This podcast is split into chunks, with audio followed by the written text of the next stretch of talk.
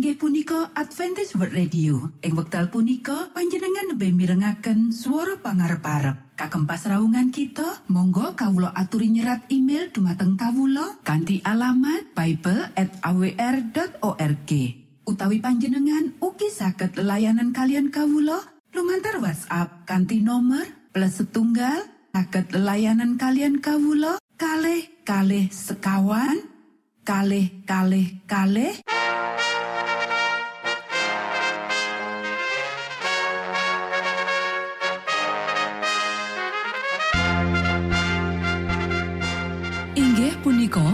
Adventis World Radio ingkang giaran kanti basa Jawi. Tentrem Rahayu kula aturaken kagem para mitra kinasih ing pundi papan lan panggonan. Sugeng pepanggian malih kalian Adventis World Radio. Kanti bingahing manah Kulo badhe sesarengan kalian para mitra kinasih lumantar saperangan adicara ingkang sampun rinonce mligi kagem panjenengan sami. Mugi giaran punika saged migunani tuwin dados berkah kagem kita sedaya. Sugeng midhangetaken Gusti amberkahi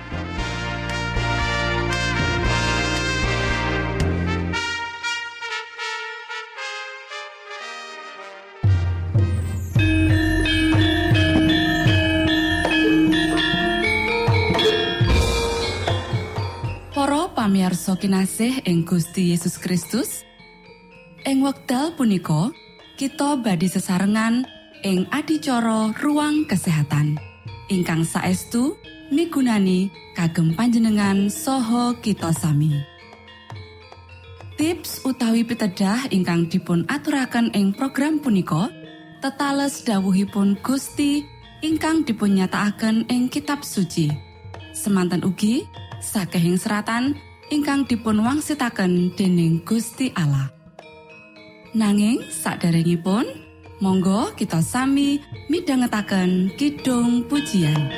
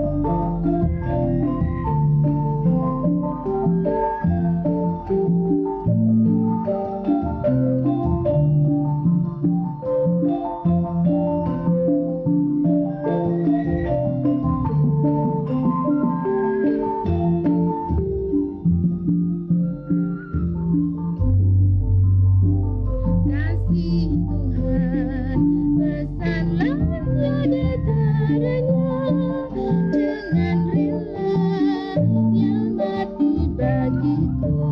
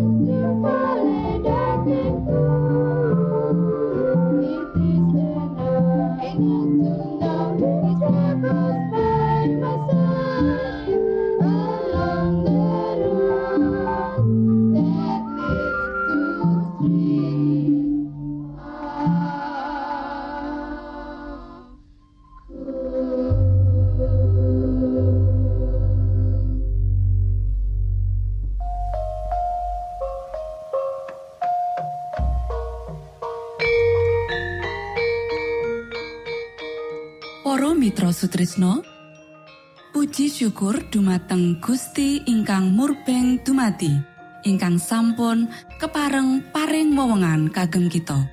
Satemah saged nglajengaken ruang kesehatan. Pirembakan kita semangke kanthi irah-irahan. Angger-angger alam kepiye iku diterak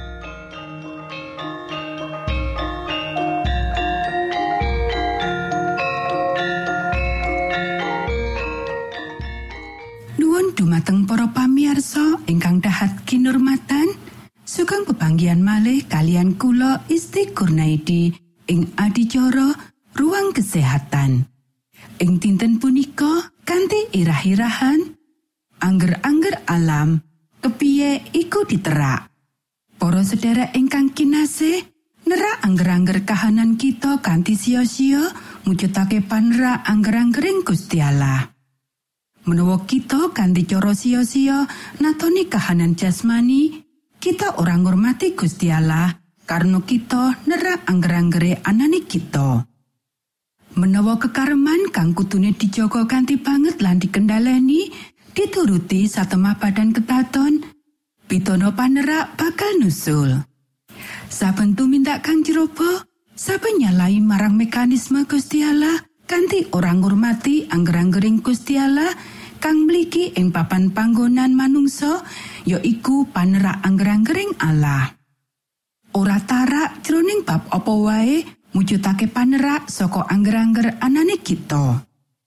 Para sedherek ingkang kinasih, angger-angger anane kita paling kerep diterak kanthi njejeli weteng karo panganan kang ora nyehatake mung karana nuruti kekareman kang ora nyehatake.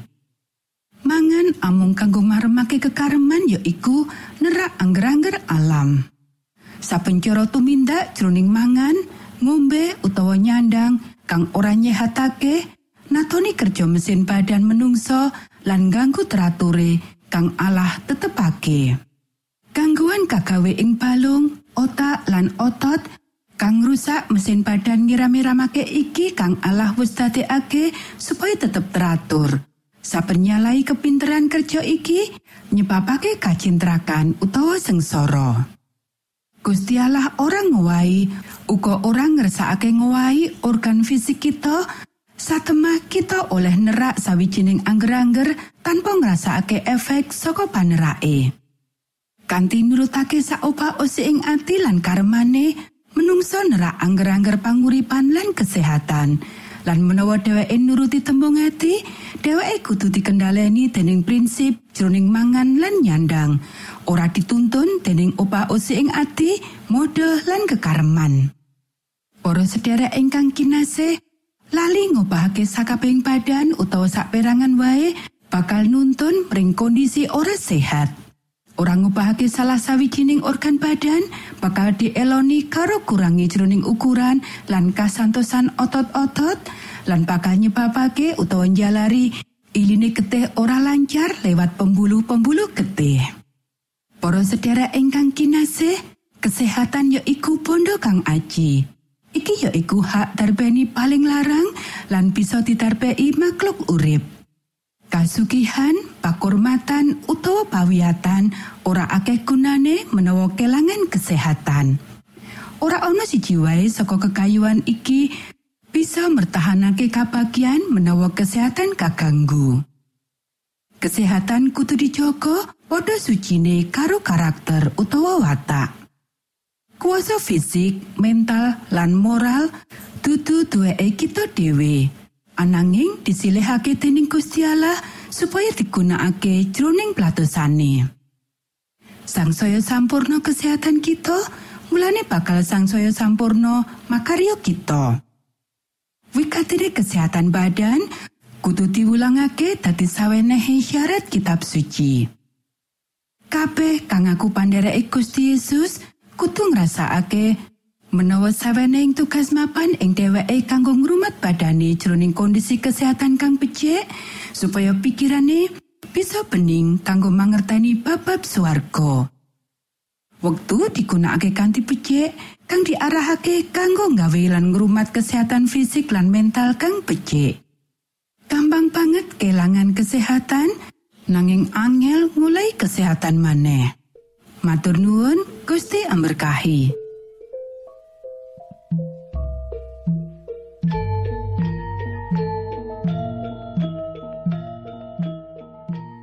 Cekap semanten pimbakan ruang kesehatan ing episode dinten punika. Ugi sampun kuatos jalaran kita badhe pinanggih malih ing episode sak lajengipun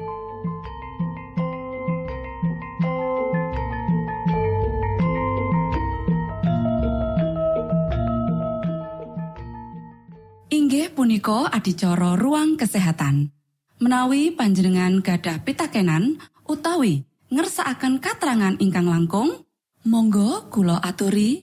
Kinton email dateng alamat ejcawr@ gmail.com utawi lumantar WhatsApp kanti nomor 025 pitu 00 songo songo papat 00 pitu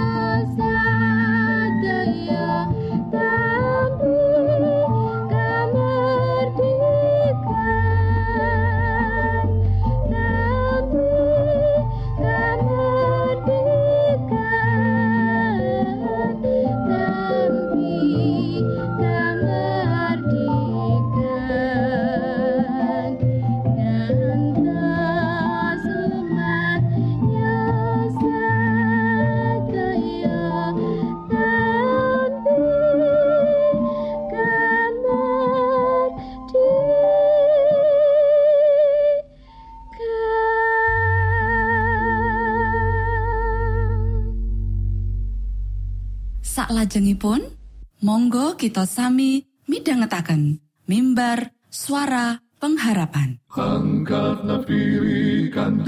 pawarto Sang Kristus paderamu. Pro umat samyo puji asmanyo Sang Kristus paderamu. Inggih punika mimbar suara pengharapan. Ing episode punika kanthi irah-irahan. Andum kabar kabungahan. sugeng minangka tondo Sang Kristus paderamu Ilmu kawero tambah tambah. Sang Kristus paderamu Paderamu Sang Kristus paderamu Shalom para pamirsa ingkang kinasih wonten ing Gusti. Sakmenika kita badhe mitangetaken renungan Sabto pangandikanipun Gusti. Ing dinten punika kanthi irah-irahan Andum kabar kabungahan. Para sedherek ingkang kinasih, ing dina Minggu sawise setane Gusti Yesus, Lukas ngendika menawa ana wong-wong wadon menyang ing sarean. Wong-wong wadon iku padha nggawa anggi-anggi, dadi kemungkinan gede padha arep ngrupti layone Gusti Yesus. Awit nalika iku dina Sabat wis meh rampung. Arep-arep nemokake sarian kang isih disegel, para wong wadon iku padha kaget awit sarian iku wis kotong. Ora mangerteni apa kang kudu dilakokake, banjur wong-wong wadon mau padha keweden. Awit ana priya loro jumeneng kanthi pengageme kang mencorong. Nanging sak banjure, priya loro kuwi duweni pakabaran kanggo wong-wong wadon iku. Sinambi ngelingake pangandikane Gusti Yesus, priya loro iku ngendika marang wong-wong wadon menawa Gusti Yesus nyata-nyata wis wungu kaya dene kang panjenengane wis pangandikake sadurunge. Para sederek, kalimput rasa bunga ing ati nalika mireng warta iku, banjur para wong wadon padha bali menyang papan panggonan para murid lan pandhereke Gusti Yesus liyane lan nyatakake apa kang wis diteleng lan dirongakake marang para murid. Awit rasa bunga ati ora bisa katahan. Tegese, nalika iku wong-wong iki nembe andom marang wong liya apa kang wis disinau saka Sang Kristus. Para sedherek ingkang kinasih, apa sampeyan bisa mbayangake apa kang dirasakake para wong wadon mau? Para sederek, wong wadon iku nembe wae nampa pengalaman kang tapi-tapi. Pengalaman kang gawe rasa kaeraman, nanging para murid kuwi nganggep menawa pengalaman iku cerita kang mokal lan para murid ora ngandel. Awit ora yakin karo ceritane para wadon mau, Petrus banjur melayu menyang ing sarean kanggo ndeleng dhewe. Kanggo Petrus lan sadengah kita kabeh, asring ana rasa mangu-mangu kanggo nampa samu barang mung amarga bab iku dikandhakake dening wong liya. Sanatian Petrus ngrungokake wong-wong wadon iku, dheweke ora bisa antum pangalamane wong-wong wadon iku nganti Petrus ngalami dhewe. Lukas pasal 24 ayat rolas. Iwa semono Petrus banjur ngadeg lan mangkat rerikatan menyang ing pasarean. Bareng nginguk manjero, mung weruh uleset tok. Nuli lunga lan mikir-mikir, apa to kira-kira sing mentas kelakon iku? Lukas ngendikake, Petrus mikir-mikir lan pitakon jroning atine. Pengalamane ing sarian iku ora padha karo kang dialami wong-wong wadon iku. Para sedherek ingkang kinasih, beda karo panampane Petrus, kanthi sikro sakwise nampa lan krungu bab wartani Gusti Yesus, wong-wong wadon iku banjur antum pakabaran iku marang wong liyane. Apa ana pangata-kata kang luwih gedhe jroning pakaryan misi iki kajaba bisa nggawe wong liya mangerteni bab apa kang Gusti Yesus tandukake kanggo wong-wong iku? Apa ana pangata-kata kang luwih gedhe kajaba kanggo nyebar kabar kabungahan lan kawilujengan jroning Gusti Yesus siji-sijine pangarep-arep kang kita duweni? Para sederek, sak mestine wae kita mbutuhake pengalaman pribadi karo Gusti Allah sadurunge kita antum bab iku marang wong liya. Pepinginan kita kanggo nyebarake warta marang wong liya, apa kang kita tresnani? Minangka perangan kang wigati banget saka pangata-kata kita kanggo misi iki. Ing pungkasane, tamtu kita ora bisa nyebarake apa kang ora kita duweni ta? Monggo kita sami ndedonga. Duh Rama kawula ingkang wonten ing swarga, asma patuko mugi kasucikaken. Kraton patuko mugi rawuh. Karsa patuko mugi kalampahan wonten ing bumi kados dene wonten ing swarga. Kawula mugi kaparingan rejeki kawula sak cekapipun ing dinten punika. So patuko mugi ngapunten kalepatan kawula kados dene kawula inggih ngapunteni tetiang ingkang kalepatan dhateng kawula. Punapa dene kawula mugi sampun ngantos katantukaken dhateng ing panggoda nanging mugi sami patuko uwalaken saking piawon. Awit dene patuko ingkang kagungan kraton saha wisesa tuen kamulyan salami laminipun. Amin.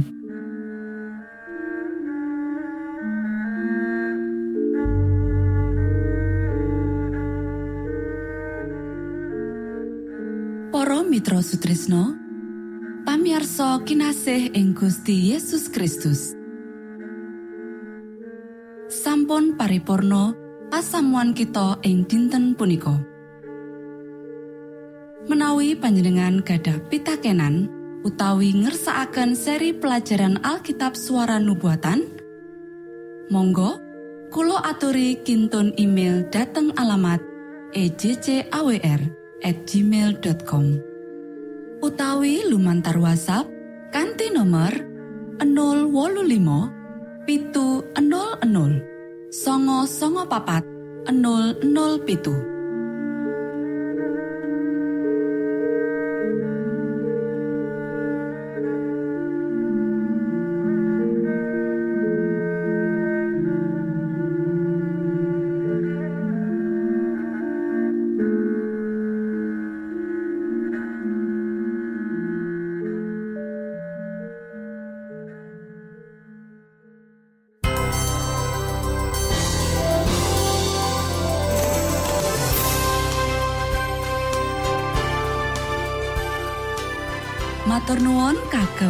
kagem wektalipun kita badhe pinanggih malih ing gelombang ugi wekdal ingkang sami.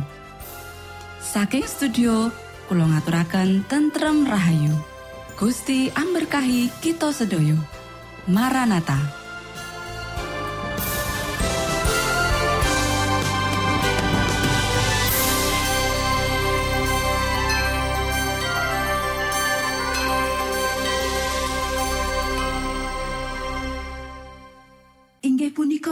Adventist World Radio. Ing wekdal punika panjenengan lebih mirengaken swara pangarep-arep. Kagem pasraungan kita, monggo kawula aturi nyerat email dumateng kawula kanthi alamat bible@awr.org.